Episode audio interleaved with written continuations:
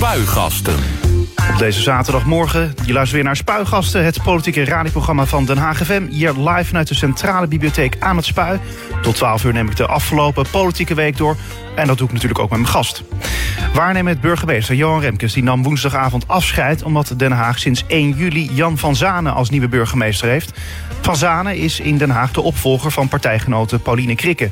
Die stapte vorig jaar op na een kritisch rapport van de Onderzoeksraad voor Veiligheid... over de aanpak van de vreugdevuren. Sinds het vertrek van Krikke nam oud-minister Remkes waar in de Hofstad. En Van Zanen moet de rust terugbrengen in de Haagse lokale politiek... na de onrust van de afgelopen jaren. Zo worden twee oud-wethouders, onder wie de fractievoorzitter... van de grootste partij in de raad, verdacht van corruptie. Richard de Mos natuurlijk.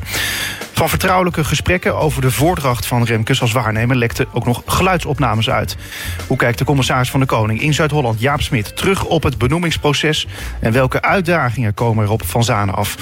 Goedemorgen allereerst, Jaap Smit. Goedemorgen. Ja, het was een uh, maand gestopt met roken, begreep ik, uh, afgelopen twee woensdag. Al twee maanden inmiddels ja. al. Het gaat heel hard. Uh, waarom eigenlijk? Nou, ik denk mede door aandringen van mijn vrouw. Die vindt het niks. Um, en ja, ik dacht ook, ja jongens, ook in deze tijd met corona... Um, dacht, laat ik maar eens, er maar eens van afblijven. Ja, ja. Maar is het dan dus meer uh, ja, gewoon gewenning? Het is lekker, het is niet vanuit de gezondheidsoverweging? Ja, sigaartje roken vind ik heerlijk, dus dat mis ik uh, nog dagelijks. Uh, en, en, en, het feit dat je jezelf een beperking oplegt... dat is misschien wat...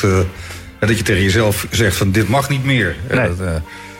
Um, dus dat vind ik af en, toe, af en toe wel lastig. En zeker als je... Het is ook een momentje van rust zoeken of even, even nou ja, even iets anders. Maar, um, maar ik sta wel elke morgen op met het, het heerlijke gevoel dat ik niet het dat ik een asbak in mijn mond heb, dus het is wel prettig. nou, dat is in ieder geval uh, goed. En ja. hoe lang denkt u het vol te houden?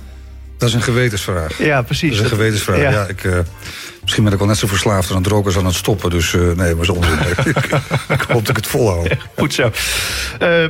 We gaan het straks natuurlijk hebben over, ja, want daar komt het eigenlijk vandaan, deze vraag over het roken. Want u zei dat uh, tijdens uh, ja, het afscheid van uh, Johan Remkes ja. en natuurlijk ook de komst van Van Zanen. Maar ja, wat u eigenlijk gemeen heeft met, met, met Remkes is natuurlijk nou ja, liefhebberij in elk geval van roken.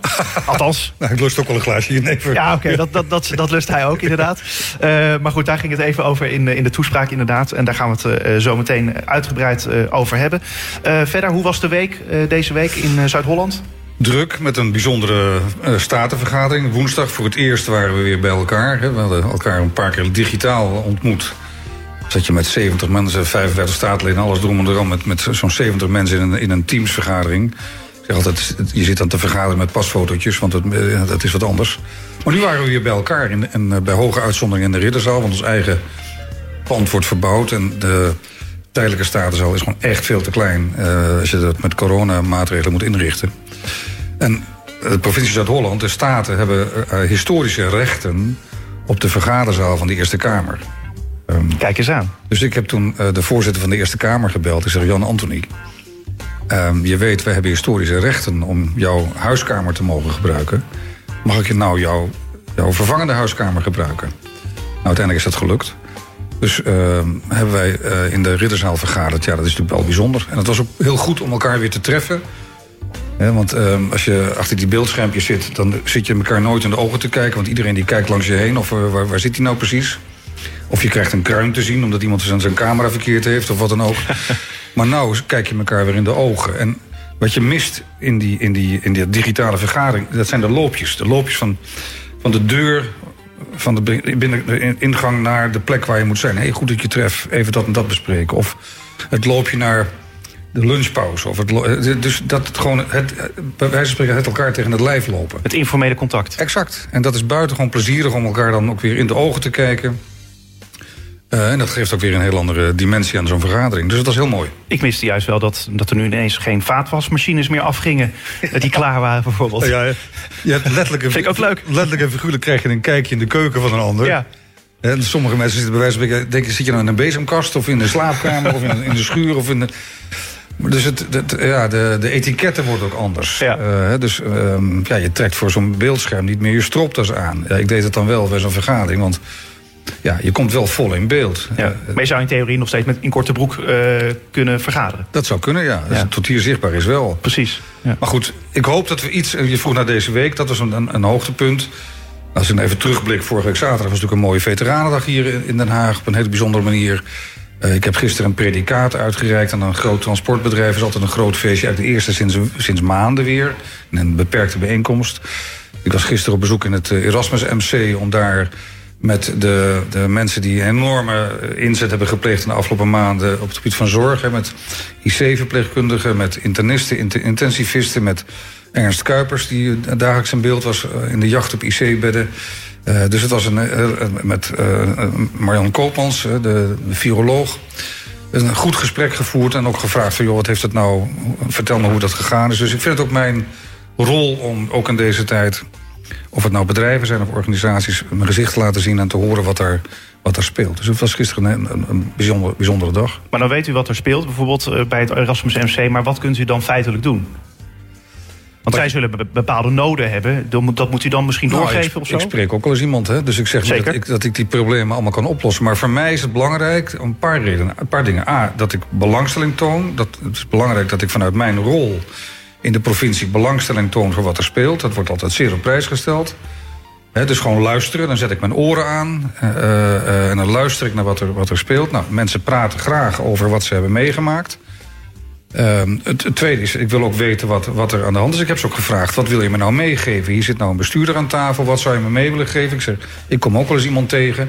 Ehm, eh, dus dat is ook een beetje mijn rol. Is dat ik niet met een gereedschapskist uh, overal uh, dingen loop te repareren... maar wel verhalen meeneem en mijn invloed op die manier probeer aan te wenden waar dat kan.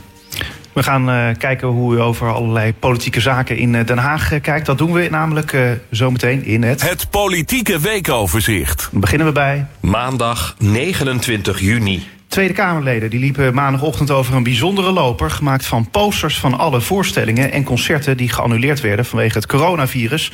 De loper was neergelegd als protest van de cultuursector. Ja, de cultuursector uh, gaat ook de provincie natuurlijk aan het uh, hart. En daarom trekt de provincie Zuid-Holland 3 miljoen euro uit... om de ergste coronaschade in de culturele sector te helpen oplossen. Uh, in hoeverre verzacht dat nou de pijn? Dat is natuurlijk de grote vraag. Ja, um, je kunt zeggen, misschien is het een druppel op een gloeiende plaat. Maar als er veel druppels op een gloeiende plaat vallen, dan, dan kan het wel eens werken. cultuur in de zin waar, waar nu subsidie voor vrijgemaakt wordt... is niet een, een kerntaak van de provincie. Hè. Wij hebben niet is meer een, een, taak van de lokale overheid of nationale overheid. Dus we hebben maar wel gezegd, hoor mensen... deze tijd vraagt van ons ook ongewone uh, handelingen en stappen en besluiten. je kunt niet doen alsof, alsof er niks aan de hand is... maar gewoon uh, voortgaan met wat je deed. Dus dit is onze, er is ook een flink debat aan vooraf gegaan... van moeten we dat nog doen, ja of nee. Ik ben erg blij dat, dat we dat doen en dat we daarmee ook laten zien dat uh, cultuur niet alleen iets is van, nou ja, goed, dat is erbij. Nee, dat is een, een, A, is het een belangrijke economische sector in onze, in onze regio. En B, is het een bijdrage aan het, ook het prettige vestigingsklimaat in deze provincie. En C, ja, willen we nog een beetje met elkaar uh, de infrastructuur wat betreft cultuur overeind houden, moeten we daar met elkaar iets mee. Dus ik ben erg blij dat we dat, uh, dat, we dat doen. Maar de vraag is inderdaad nog steeds van, ja, hoe houdbaar is het? En ja, we nou, hebben het over die, die druppels. Nou ja, laat, het, nou ja, een, klein plantje, laten we het er iets, ja, iets meer van maken. Ja. Ja, maar het, het, ja, we zullen ook echt moeten leven met het feit dat niet iedereen en alles overeind blijft in deze tijd. Dat, dat zie je in, natuurlijk bij winkels en bedrijven ook. Zo ernstig is het. Dus we proberen met elkaar zoveel mogelijk overeind te houden. Uh, maar dat zal niet in alle gevallen lukken. Maar wanneer zien we dan dat omslagpunt, denkt u? Van wat? Nou ja, uiteindelijk zul je dus niet alles overeind kunnen houden. Nou, er zijn nu enorme inspanningen getroost. Als het gaat om uh, vanuit de Rijksoverheid. Het kabinet heeft natuurlijk enorm veel geld vrijgemaakt om te zorgen dat uh, heel veel bedrijven uh, nou, niet meteen van een mensen af moeten of, of een, een, enorme werkloosheid ontstaat en anderszins. Daar wordt ook heel veel lof voor gesproken. Maar het is nogal een uitdaging, hè? dus um, zoals we. Nou ja, het, het omslagpunt, ja, we hopen natuurlijk dat op een gegeven moment dat, dat we dat, dat, dat virus onder de knie krijgen. En dat we, zoals we het nu al zien, er steeds meer weer lijkt te normaliseren. Zelfs zo dat je soms het gevoel hebt dat mensen niet meer in de gaten hebben dat het nog steeds gevaarlijk is. Ik, ik merk het zelf ook. Ik kom ook wel weer veel onder de mensen, maar je moet je wel blijven concentreren. Het is gewoon nog steeds linkersoep wat dat betreft. Kijk maar naar Amerika. Ja. En je kunt wel doen alsof er niks aan de hand is, maar er is gewoon echt iets aan de hand. En als we willen voorkomen dat we weer uh, onszelf moeten opsluiten, bij wijze van spreken, dan moeten we daar wel rekening mee houden.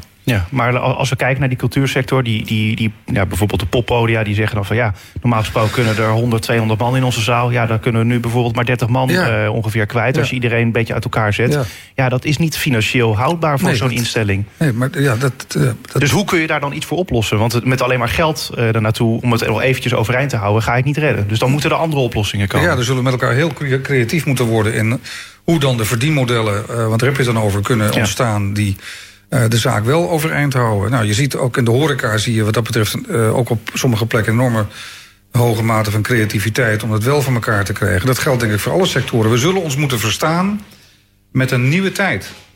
En eh, je kunt wel zeggen, nou, dat, is- dat is misschien tijdelijk. Ik heb ook discussies met mensen. Is dit nou zeg maar een, ja, letterlijk een griep die overgaat... en daarna wordt alles weer normaal, of een regenbui die overtrekt? Nee, het zou wel eens kunnen zijn dat we echt moeten wennen... aan, het, aan een aantal echt andere dingen, aan een andere manier van leven. Dinsdag 30 juni. Den Haag neemt extra maatregelen om asociaal gedrag langs de kust en de haven van Scheveningen aan te pakken. De gemeente stuurt een kleine 20 extra handhavers naar, Scheveningen. En ook de politie zet er extra mankracht in, al is nog onduidelijk hoeveel. De badplaats kampt al geruime tijd met veel overlast, zoals straatraces, drugsgebruik en intimidaties. U bent ook commissaris van de Koning van Zuid-Holland. Dus ik kan me voorstellen dat u niet over alle zaken iets af weet. Maar in hoeverre bent u op de hoogte van ja, dit eh, gebeuren op Scheveningen? Nou, daar lees en hoor ik ook wat van in de krant... of ik zie er wat van eh, in de media. Ehm, en ik hoor er af en toe wat van, eh, van het de Haagse Stadsbestuur. Dit heeft me deze week niet Dat kan me in voorstellen. die mate bezig gehouden... dat ik er nou echt belangrijke dingen over kan zeggen. Maar is het iets waarvan u zegt van ja, dit zien we misschien juist in de regio breder ook gebeuren? Krijgt u daar berichten van?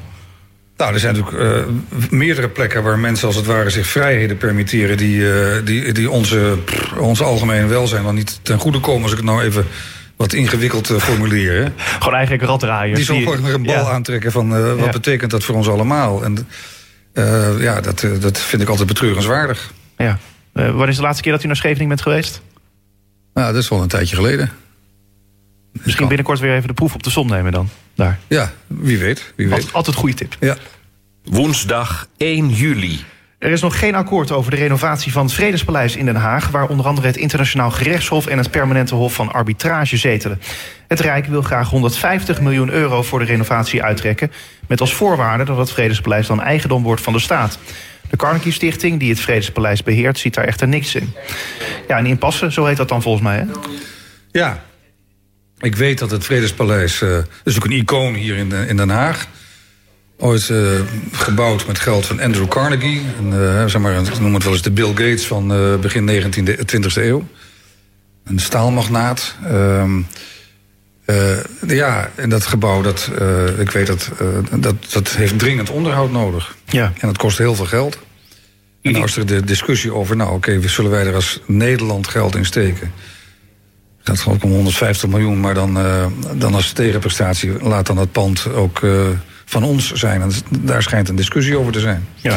Ik zou het belangrijkste vinden dat het pand gewoon in goede staat overeind blijft. Ja, dat vindt volgens mij iedereen. Ja. Alleen, dat is nou juist het punt. Ja. Ja, ja wie gaat er voor opdraaien? Dat Ja. is natuurlijk... eh, Nou, de de staat grote wil, daar kan ik voor opdraaien. Ja, ja, ja, maar goed, ze zitten in een impasse. Is dat nou juist iets van... Ja, ik zie de, de commissaris van de Koning... die rol altijd als een verbinder en een, een, een, ja, een gespreksleider. Is dat dan iets waarvan u nog op een gegeven moment... ook om het hoekje komt kijken van... jongens, hoe Nou, nou, als we nou een beetje kort houden vanmorgen, ga ik er vanmiddag meteen aan de gang. Oké, doen we dat. Donderdag 2 juli. Lokale en regionale politici die hebben steeds vaker te maken met agressie en geweld. Uit de monitor Integriteit en Veiligheid 2020 blijkt dat eh, 35% van de ondervraagden hiermee te maken heeft gekregen. Zes jaar geleden was dit nog 23%. Lijkt me een zorgelijke Wacht ontwikkeling. even, nog één keer. Wat, wat, Dit was 35%. wat precies? Wat, was even, eh, over de lokale en regionale politici. Die hebben steeds vaker te maken dus met Oh, agressie ja, ja, ja. en met geweld. Ja, ja, dat is natuurlijk een buitengewoon kwalijke zaak. Eh, Blijf met je, met je poten van je politici af, zou ik haast zeggen. Eh, ze zitten er niet voor niks. Hè. Eh, ja, dat is een kwalijke zaak. Ehm, Maar merkt u daar ook iets van? Iets, Ja, krijgt u wel, daar Ja, berichten over? Burgemeesters en ook eh, wethouders en ook, ook raadsleden, dat, dat, die geluiden bereiken mij regelmatig. Hè, dus en dat dat, dat dat verhardt en dat mensen ook denken van nou, we, we schreeuwen wat op Twitter of op wat, een ander medium. Ehm, en dat moet allemaal kunnen. Maar je, moet je wel realiseren wat voor impact het heeft op degene die, eh, die het betreft. En als we met elkaar nog een beetje eh, op een prettige manier onze democratie willen vieren, dan hoort dat daar niet bij. Nee, zeker niet. Uh, maar goed, er wordt ook vaak natuurlijk wel vanuit politici zelf ook over bericht. Hè, van dat, ze zeiden, dat, ze, dat ze allerlei bedreigingen binnenkrijgen. Bijvoorbeeld via Twitter of via Facebook. Uh, nou hebben we natuurlijk ook nog gezien dat een D60-Kamerlid... Ja, uh, ja, de Groot heeft aangifte gedaan bij de politie... vanwege doods, doodsbedreigingen bij boerenprotesten. Ehm, ja, het, het, is wel een, een, een, trend die je natuurlijk uh, eigenlijk ziet van de laatste jaren. Heeft u het ook meer gezien de afgelopen nou ja, tijd? Kijk, ik hoor heel veel uh, per dag een heleboel mensen dingen zeggen. Ook van hoog tot laag. Uh, soms ook gewoon in, in de politieke arena. Waarvan mijn moeder vroeger zei: zeg, ga jij je mond te spoelen. He, dus we moeten vaker onze mond spoelen. We moeten nou heel veel handen wassen. Maar we moeten tegenwoordig ook vaker onze mond spoelen. Als het gaat om jezelf een beetje beperken in, in je uitspraken die je doet. En. Het is allemaal prettig, die vrijheid van meningsuiting. Maar je mag alles zeggen, maar het wordt er niet gezelliger op als je alles zegt. Nee. Maar wat, wat kunnen we daar dan aan doen, behalve dat je elkaar uitspreekt? erop aanspreken. Maar dat, is dat het enige? Ja, nou ja, als je zodra je daar met een zeg maar, in wetgevende zin over gaat praten, dan loop je natuurlijk op tegen uh, vrijheid van meningsuiting. Kijk, onze samenleving is gebaseerd op een aantal vrijheden die buitengewoon belangrijk zijn, die we heilig verklaren. Maar die vrijheden die hebben ook grenzen. Dat zijn geen juridische grenzen, dat zijn morele of fatsoensgrenzen. En die zijn we een beetje kwijt. Dus gaan we tot daar waar de wetgever moet zeggen tot hier en niet verder. En dat is heel ver omdat de juridische ruimte als het ware groter is dan de morele ruimte. Nou, dat snap ik. Maar nou. uh, je kunt het toch gewoon ondervangen als je ervoor zorgt dat, uh, ja, dat, dat, dat mensen strenger worden bestraft op het moment dat ze dit soort dingen doen. Want dan heeft het een preventieve werking. Dan oh, zien ze... ja, laat ik zeggen, nou ja, al, uh, in de tijd, strenger straffen werkt niet altijd. Maar als het nodig is, moet je dat doen. Maar er moet wel iets zijn dat, dat we het niet normaal vinden. Dat we er tegen in opstand blijven komen. Ik heb dat soms als voorzitter van een, van een statenvergadering ook wel eens. Dat ik zeg van hoor eens uh, ja, iedereen moet hier kunnen zeggen wat hij wil. Maar er zijn momenten dat ik zeg van... hoor eens, uh, kan het een beetje anders? Hè? Dus, ja, maar dan is het al uitgesproken. Ja, dus ik vraag... Ja, maar goed, eigenlijk is het zo dat net zo goed als die vrijheden... of je kunt het parallel trekken met die coronacrisis waar we in zitten... er wordt heel veel in deze tijd gesproken over verantwoordelijkheid en gezond verstand. Dat geldt voor heel veel dingen in onze samenleving. Dus ik ben me bewust van het feit dat ik als bestuurder en, en uh, um, met een grote verantwoordelijkheid en ook zeg maar, exposure of ruimte om mijn verhaal te doen. Dat ik ook gewoon moet weten dat mijn woorden een bepaalde impact hebben. En dat ik dus niet alles maar kan roepen wat me voor de mond komt. Nee. We hebben natuurlijk allemaal een gezellige onderbuik die overal hetzelfde doet. Maar gelukkig heb ik ook nog een aantal, ik heb het al eerder gezegd, een aantal stevige filters van reden en verstand die voorkomen dat wat hier borrelt, dat het ongecensureerd mijn mond uitkomt. Dat geldt voor elk mens. Ja, en dan is het via internet natuurlijk nog makkelijker om, om even makkelijk iets te twitteren ja. of uh, via Facebook te, te sturen. Uh, is dat dan ook niet iets ja, waar, waarvan we met z'n allen dan iets voor zou moeten uh, ja, uitvinden dat dat eigenlijk minder makkelijk kan? Dat je zomaar anoniem alles, allerlei bedreigingen. Dat is ik had, van de week hadden wij een hele interessante. Uh, ik heb een lezingencyclus in, in het leven geroepen uh, in de provincie Zuid-Holland voor ambtenaren. Het heet Denkers van Waarde. En dan nodig ik mensen uit. Uh, uh, bijvoorbeeld Klaas Knot is een keer geweest. En Jaap Toop Scheffer. En zelfs André Kuipers. En, en mensen die ons meenemen de berg op. Om te laten zien wat zij in de, in de verte zien. Zodat het ons inspireert om met de twee voeten op de grond ons werk te kunnen doen. Dat je, dat je een vergezicht krijgt. Zo hadden we van de week Marleen Sticker. Die heeft een boek geschreven. Het internet is stuk. Maar het kan nog gerepareerd worden. Het gaat eigenlijk over deze vraag. van, uh, uh, hoe leggen we gewoon ook een aantal. Het gaat ook om ethiek. Uh, waar leggen we de grenzen? toen internet kwam, dat was in de jaren tachtig. ik weet nog dat ik mijn eerste computer wat dat betreft kocht. En er zelf een harde schijf van 6, en, 6 megabyte in knutselde. 6 megabyte. 6, ja.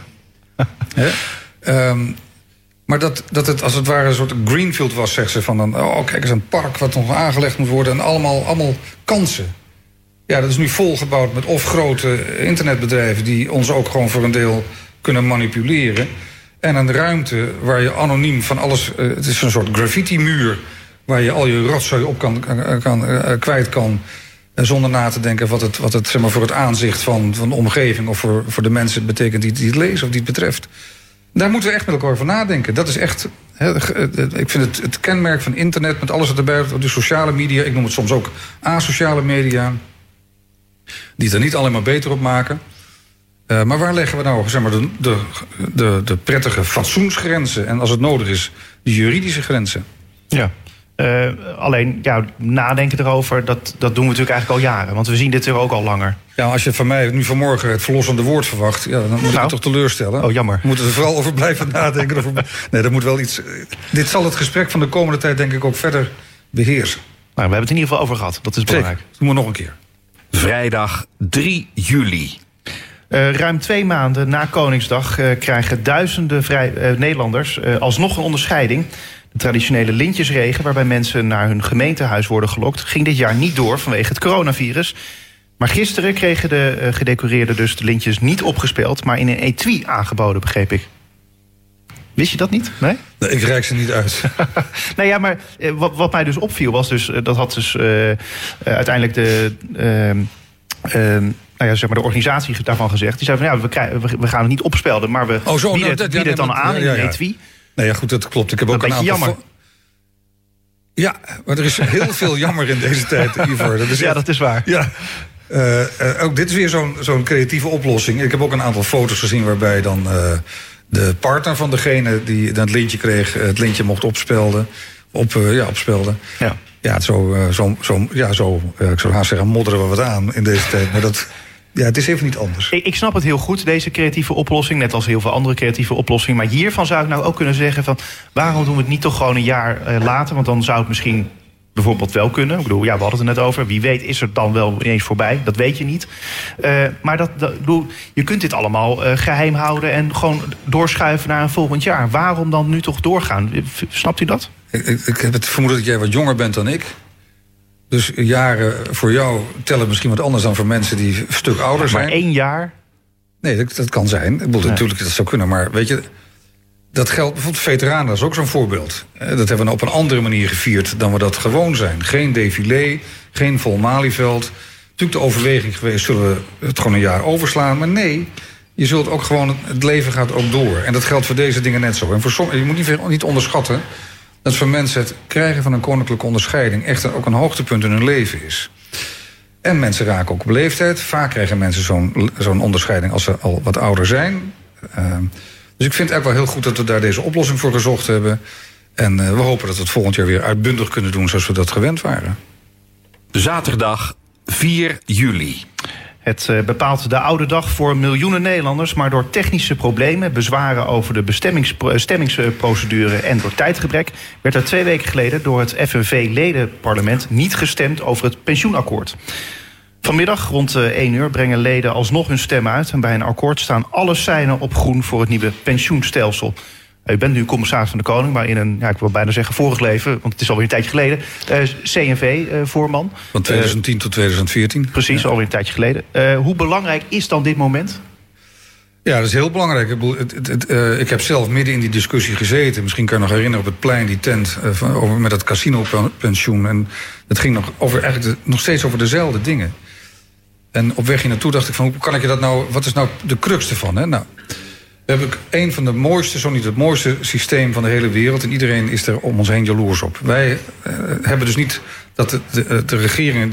Dus wij sparen met elkaar voor onze oude dag.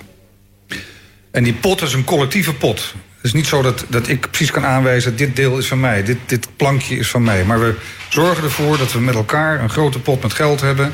zodat, ik ben nou 63, dus over een paar jaar ben ik aan de beurt dat ik dan ook van mijn pensioen kan, kan betalen. Maar dat is niet, niet alleen maar de euro's die ik er zelf kan, die, die, voor mij, die kan identificeren als mijn euro's.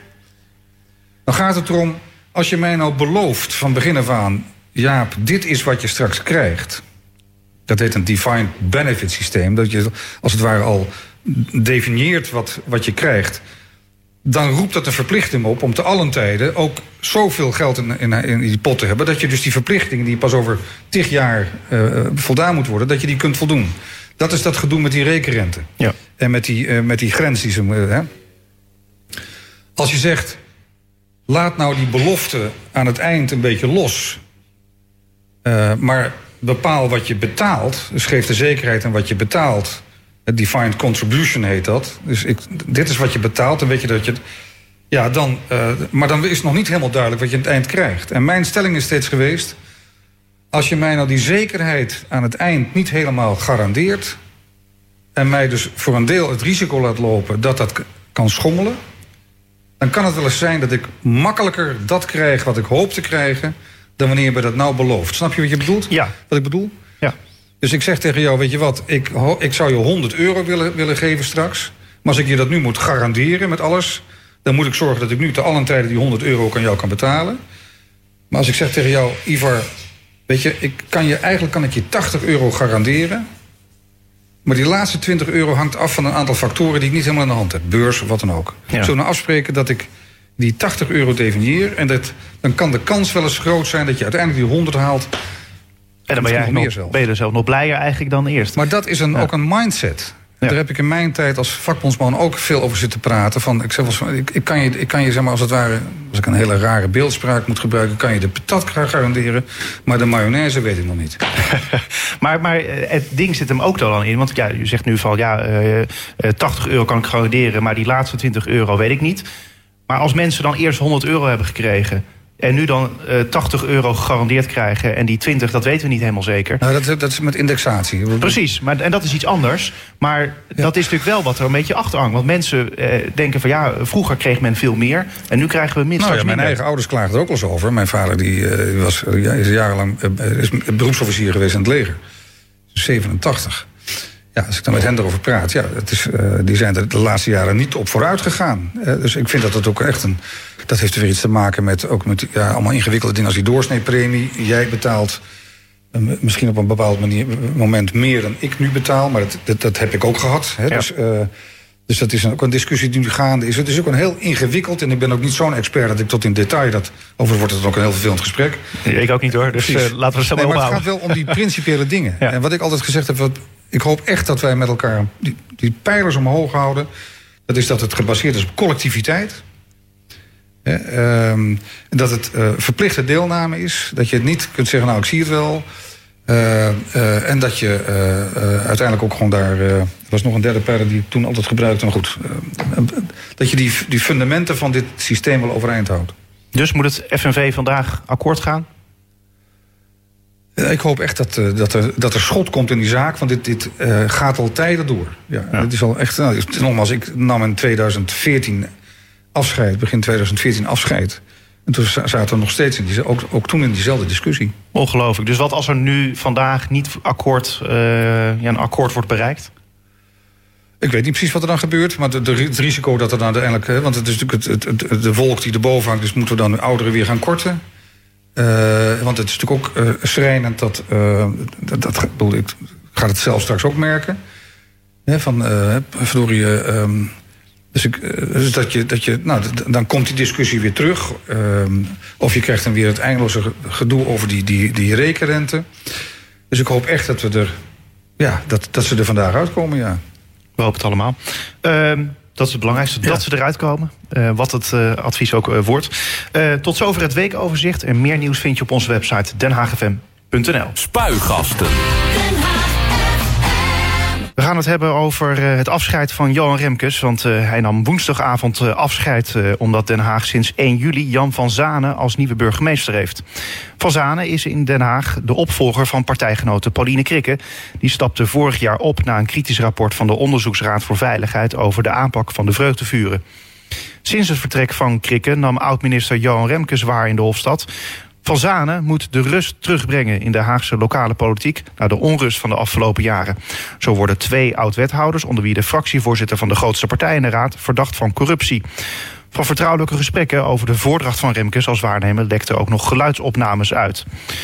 Ja, commissaris van de Koning Jaap Smit. eh, voor eh, Remkes was het een bijzonder afscheid, want hij werd ereburger van Den. Haag. Eh, van Zanen vond het natuurlijk ook allemaal reuze spannend. Maar hoe bijzonder was dan voor u die dag? Ja, dat is, nou ja, dat was een, een, een feestelijke dag. Met een mooie afronding van de waarnemingsperiode door Johan Remkes. En eh, de installatie van Jan van Zaan. En daar heb ik alle vertrouwen in. Dus ik vond het ook wel een, eh, nou ja, ook na alle eh, dingen die ik zelf met Den Haag heb meegemaakt in de afgelopen jaren, vond ik dat wel een, mooi ja, markeringspunt. Het werd eigenlijk afgesloten, al die onrust die er is geweest de ja, afgelopen tijd. dat, dat ga, daar ga ik wel van uit. Ik bedoel, ik, Den Haag heeft ook wel wat voor zijn kiezer gehad de laatste tijd. En ik moet zeggen dat eh, ik heb me er ook nogal mee bemoeid de afgelopen jaren. Overigens vind ik het ook heel prettig om te constateren dat je dan uh, je als gemeentebestuur en commissaris ook weet te vinden. Dus het begon dan in de aanloop naar het, afloop, naar het aftreden van mevrouw Krikke. En die zondag, ik geloof dat het 6 oktober was, dat ik s'avonds uh, hier nog in het stadhuis was. Na het aftreden van mevrouw Krikke om daar dan uh, met elkaar te praten. Ja, en nu? Uh, nou, we hebben allemaal kunnen zien hoe dat gegaan is. Heel snel dat Johan Remkes hier aantrad. Daar ben ik echt ontzettend blij mee dat... A, dat ik op het idee kwam om hem te vragen. En, en B, dat hij er ook nog ja op zei ook. En C, dat hij dat op een vertreffelijke manier gedaan heeft. En dat heeft de stad ook laten zien... door hem als ereburger te laten vertrekken. Nou, dat is heel bijzonder. En de procedure die daarna kwam bij het zoeken naar de, de opvolger... Um, die we ook wel in de rust uh, hebben kunnen doen. En ook in de vertrouwelijkheid. Daar ben ik echt enorm blij mee dat er geen gesodemieter over geweest is. Um, en ook dat uiteindelijk Den Haag, denk ik, een voortreffelijke keuze gemaakt heeft. Um, in de vorm van, uh, in de persoon van Jan van Zanen. Ja, laten we nog even gaan naar het afscheid van uh, Johan Remkes. Ik vind het op zich uh, wel een beetje opvallend dat iemand die negen maanden hier burgemeester is geweest, waarnemend burgemeester van Den Haag, dat hij dan al ereburger wordt van de stad. Ja. Is dat niet wat snel? Ik zou je zeggen, dat, dat is opmerkelijk. He, dus toen ik dat, ik was daarbij, ik wist daar niet van. Maar dat, ik denk dat dat aangeeft dat deze uitzonderlijke waardering ook voor een uitzonderlijke prestatie gegeven is. En zo, zo, zo vertaal ik dat. He, dus hij, Jan Remkes kwam op een moment hier in de stad... Ja, waar het toch wel op een aantal punten licht chaotisch was. Ik bedoel, dat was ook mijn zorg toen in dat weekend in oktober. In één week tijd. twee wethouders die opstapten. En verdacht van corruptie. Bo grote boerenprotest hier in de, in de stad. het, het aftreden van mevrouw Krikke. nou ja, dat, dat was best een hoop gedoe in de raad... Dus er moest op een gegeven moment wel heel snel gehandeld worden. Nou, dan is iemand bereid, zoals Johan Remkes dat deed... en is vanaf dag één is hij op een goede manier aan de gang gegaan... en heeft zich op zijn eigen, eigen manier ook heel populair gemaakt. We besturen als stad? Nou, dat vind ik knap en ik vind het dus... Nou, dan laat je eens iemand gaan... Ja, die geef je dan niet een kist sigaren of, een, of, een, of, een, uh, of iets anders. Die, Was je ook blij mee geweest? Nu niet meer. Nee, maar, oh, ja. Spreekwoordelijk. Dus ik denk dat het heel goed is dat nou, dit geeft gewoon de grote waardering aan die men heeft voor wat Johan Remkes op een beslissend moment in deze stad betekend heeft. Ja. Hij heeft ook heel wat meegemaakt. Want het was niet alleen het moment uh, dat hij kwam... dat er heel veel aan de hand was. Maar ook in die periode, die negen maanden dat hij er was... misschien heeft hij het wel ervaren als bij wijze van spreken 90 maanden. Ja. Uh, want uh, er gebeurde natuurlijk ja. ook nog heel veel tijdens zijn periode. Alle protesten die daarna nog kwamen. Het surfdrama op Scheveningen... dat vijf surfers het leven heeft gekost. Oud en nieuw oud en nieuw, integriteitskwesties ja. uh, op het stadhuis. Heeft u nou het idee dat hij het nou zwaar vond in Den Haag? Of uh, ging het allemaal gewoon vanzelf voor hem? Nee, ik heb natuurlijk al met hem over gesproken. Ik bedoel, uh, nou, geloof, Johan is redelijk, Johan Remkes is een redelijk, een hele stabiele en, en, ook als het nodig is onverstoorbare man. Maar natuurlijk heeft hij daar ook, ja, dat is natuurlijk ook spannend geweest. Ik bedoel, um, maar dat, ik heb geen moment gedacht, getwijfeld aan van... Hoor, uh, gaat het hem lukken, ja of nee? Nee, dat snap ik. Maar, maar, maar is er niet bijvoorbeeld een moment uh, dan geweest... dat bijvoorbeeld Johan Remkes nog wel eens tegen u heeft gezegd... van nou, het is, uh, het is wel het is pittig. pittig. hier. Ja, ja, ja. ja, En van alles wat hij heeft meegemaakt... want hij is natuurlijk oud-minister geweest. Ja. Nou ja, er werd allemaal opgesomd tijdens het afscheid... wat hij allemaal eigenlijk is geweest. En dat we uiteindelijk uitkwamen op dat hij nog geen wethouder is geweest... nog geen Eerste Kamerlid en geen minister-president... maar voor de rest is hij alles geweest. Ik heb het bijna een Grand Slam genoemd, hè, tennistermen. Ja. Maar, maar dat geeft toch wel aan van wat voor ervaring hij dan heeft. Uh, maar dat hij dan dit allemaal meemaakt. En dat dat dan dus toch best wel uh, heftig is voor zo iemand. Nou, wil ik zeggen, uh, hij nam afscheid met woorden. Het woord leuk, dat zou ik ook niet zo gauw gebruiken. Uh, bij ook werk dat wij doen. Het is een heleboel leuke momenten om nou te zeggen. maar het, hij had het niet willen missen. Uh, hij zegt, Jaap, ik ben heel blij dat je me die vraag gesteld hebt. En het is, het is een fantastische tijd geweest. En zo heeft hij daar ook afscheid van genomen. Maar het, het, het, het onderstreept nogmaals het belang...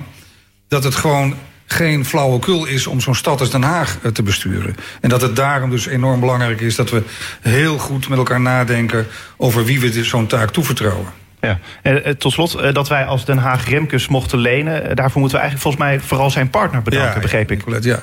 Nou, ik weet nog goed dat... Kijk, Johan Remkes had net afscheid genomen... negen maanden ervoor als commissaris in, in, in Noord-Holland. hij had nog drie jaar door kunnen gaan, maar, want hij was 67 geloof ik toen. Hij zei, nee, ik stop ermee, want ik ben eigenlijk zoveel van huis. Ik ga nu naar Groningen en mijn vrouw is ook aan de beurt. Nou, toen belde ik hem negen maanden later. En uh, nou, ik heb al vaker verteld hoe dat gegaan is. Maar het, hij vertelde ook dat uiteindelijk zijn vrouw zei van... hoor Johan, als jij jezelf recht in de ogen wil kijken... dan moet je hier wel ja op zeggen. dat stond in een interview dat ik, dat ik met hem las. Ik heb toen Nicolette, zo heet zijn vrouw, gebeld.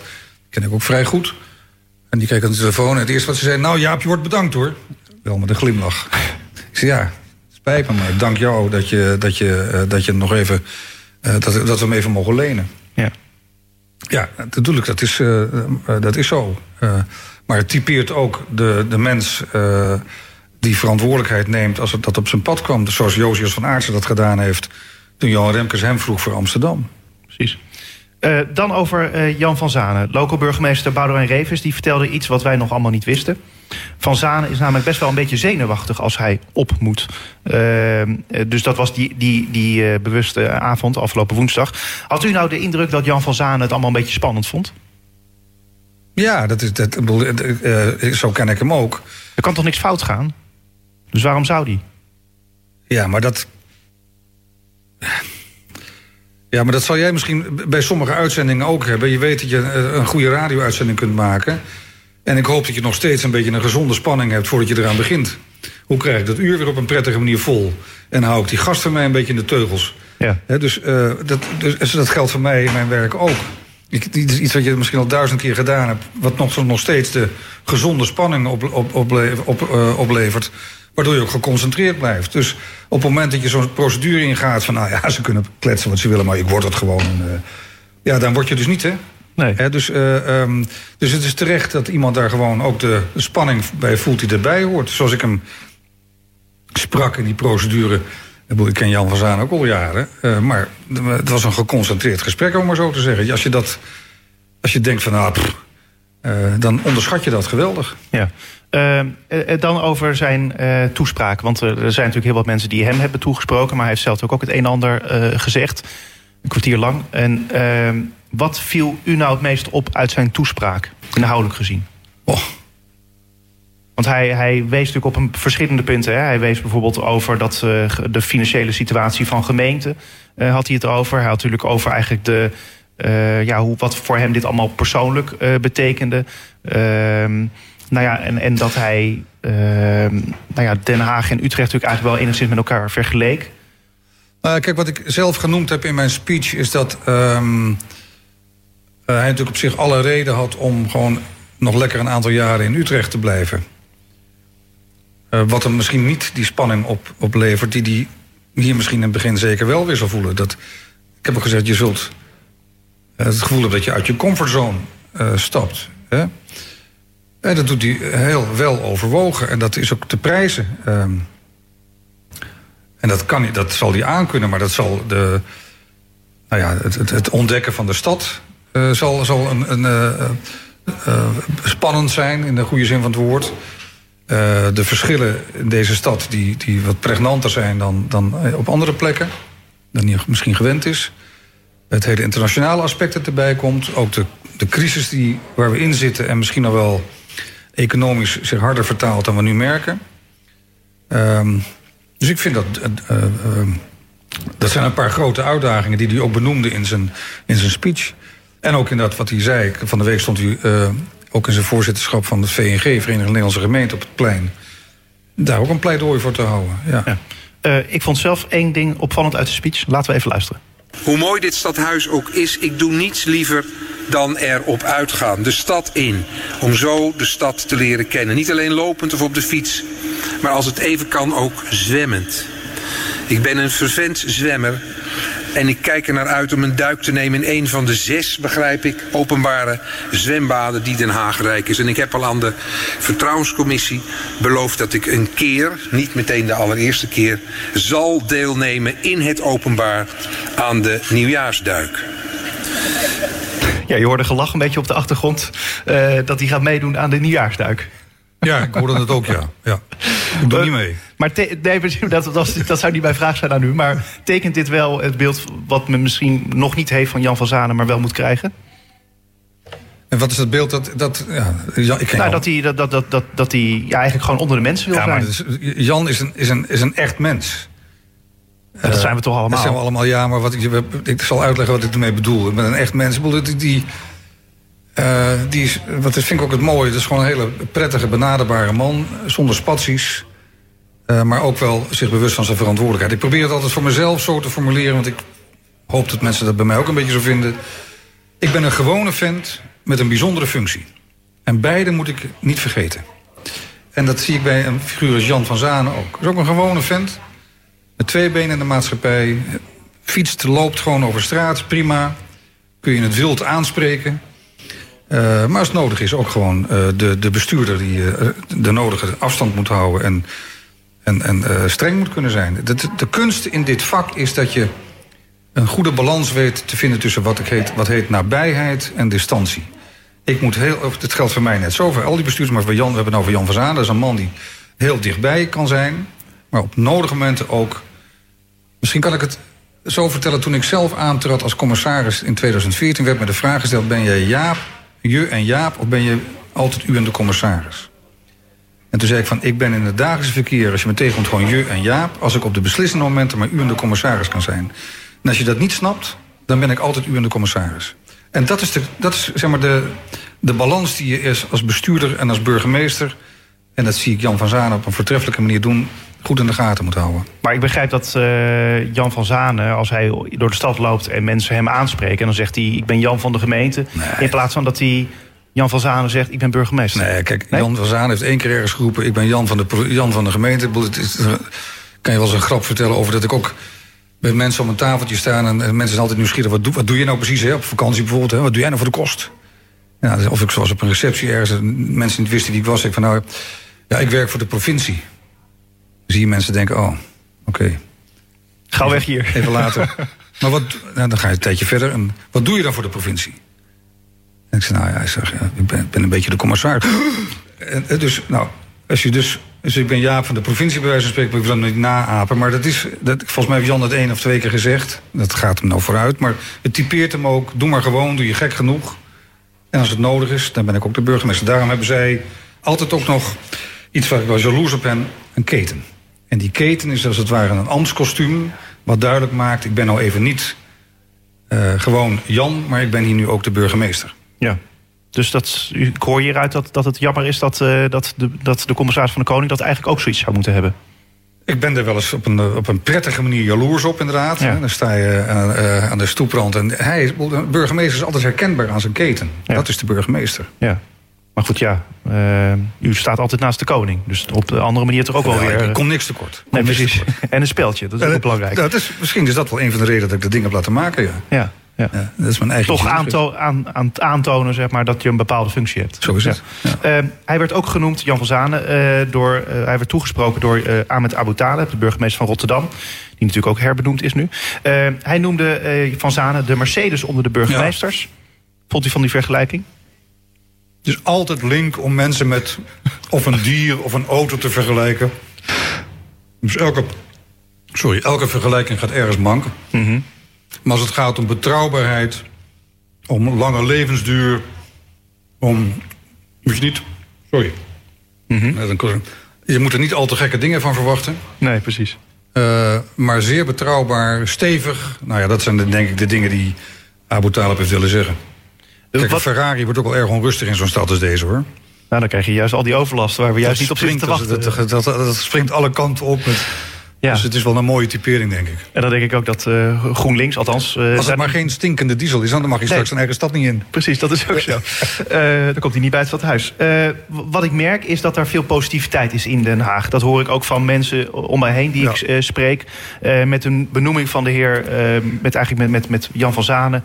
Is, is er misschien een positievere sfeer ik heb zelf ook wel dat gevoel dat dat, dat dat hier in Den Haag zo is. Al zal niet iedereen zich hiermee bezighouden. Uh, Maar dat, dat is eigenlijk waar we het gesprek mee begonnen. Dat is een markeringspunt. Uh, we kunnen nu eigenlijk opnieuw beginnen. Schone lei. Zoiets? Ja, ik denk dat, uh, uh, dat Den Haag hiermee een periode afsluit. en met de komst van nieuwe burgemeester Jan van Zanen... een goede, stevige burgemeester heeft... Wat ook nog eens een keer pleit voor de manier waarop zo'n burgemeester op zijn plek komt. Ik heb dat in mijn speech ook gezegd van hoor eens... Er werden wel eens door mensen geroepen... de burger heeft er niks over te zeggen. De burger heeft in de keuze van deze manier centraal gestaan. Want de burger wil namelijk een stevige, goede bestuurder... die de stad rust brengt en, uh, en op orde houdt. Dat heeft de, uh, de raad ook gezien in het opstellen van de profielschets... en uiteindelijk de keuze die de raad zelf gemaakt heeft. Hè? Ja. En ik denk dat, er daarmee, uh, dat Den Haag daarmee een, een, inderdaad een, een, een, nieuwe fase ingaat. En ik, ik kijk er met genoegen naar uit um, dat die stad uh, daar weer van tot bloei komt uh, op meerdere terreinen. Ik zie ook uit naar de samenwerking met de burgemeester Jan van Zanen. Dat is in deze provincie heel belangrijk dat ook wij elkaar op een goede manier weten te vinden. Dat geldt zowel voor de burgemeester van Rotterdam als Den Haag als, als de commissaris. Daar heb ik ook alle vertrouwen in. Dus ik denk dat het een mooie tijd wordt. Aan de andere kant, hij moet het nog gaan waarmaken. Tuurlijk. En dat is wel ook iets wat ik dan aan de andere kant weer hoor. Van ja, we zijn allemaal hartstikke lovend over hem. Is er nou helemaal niks te vinden over hem uh, dat, ja, waar, toch een klein smetje op zijn blazoen? Vast. Ik, ik, ik weet het niet, maar het is, als ik zeg het is een echt mens, zal er ook wel. Uh, zal iemand ook wel eens. Uh, maar die kant hebben we alleen nog niet gezien dan hier nou. Maar is het ook nodig om dat allemaal... Ik, weet het, ik zou het niet weten, maar...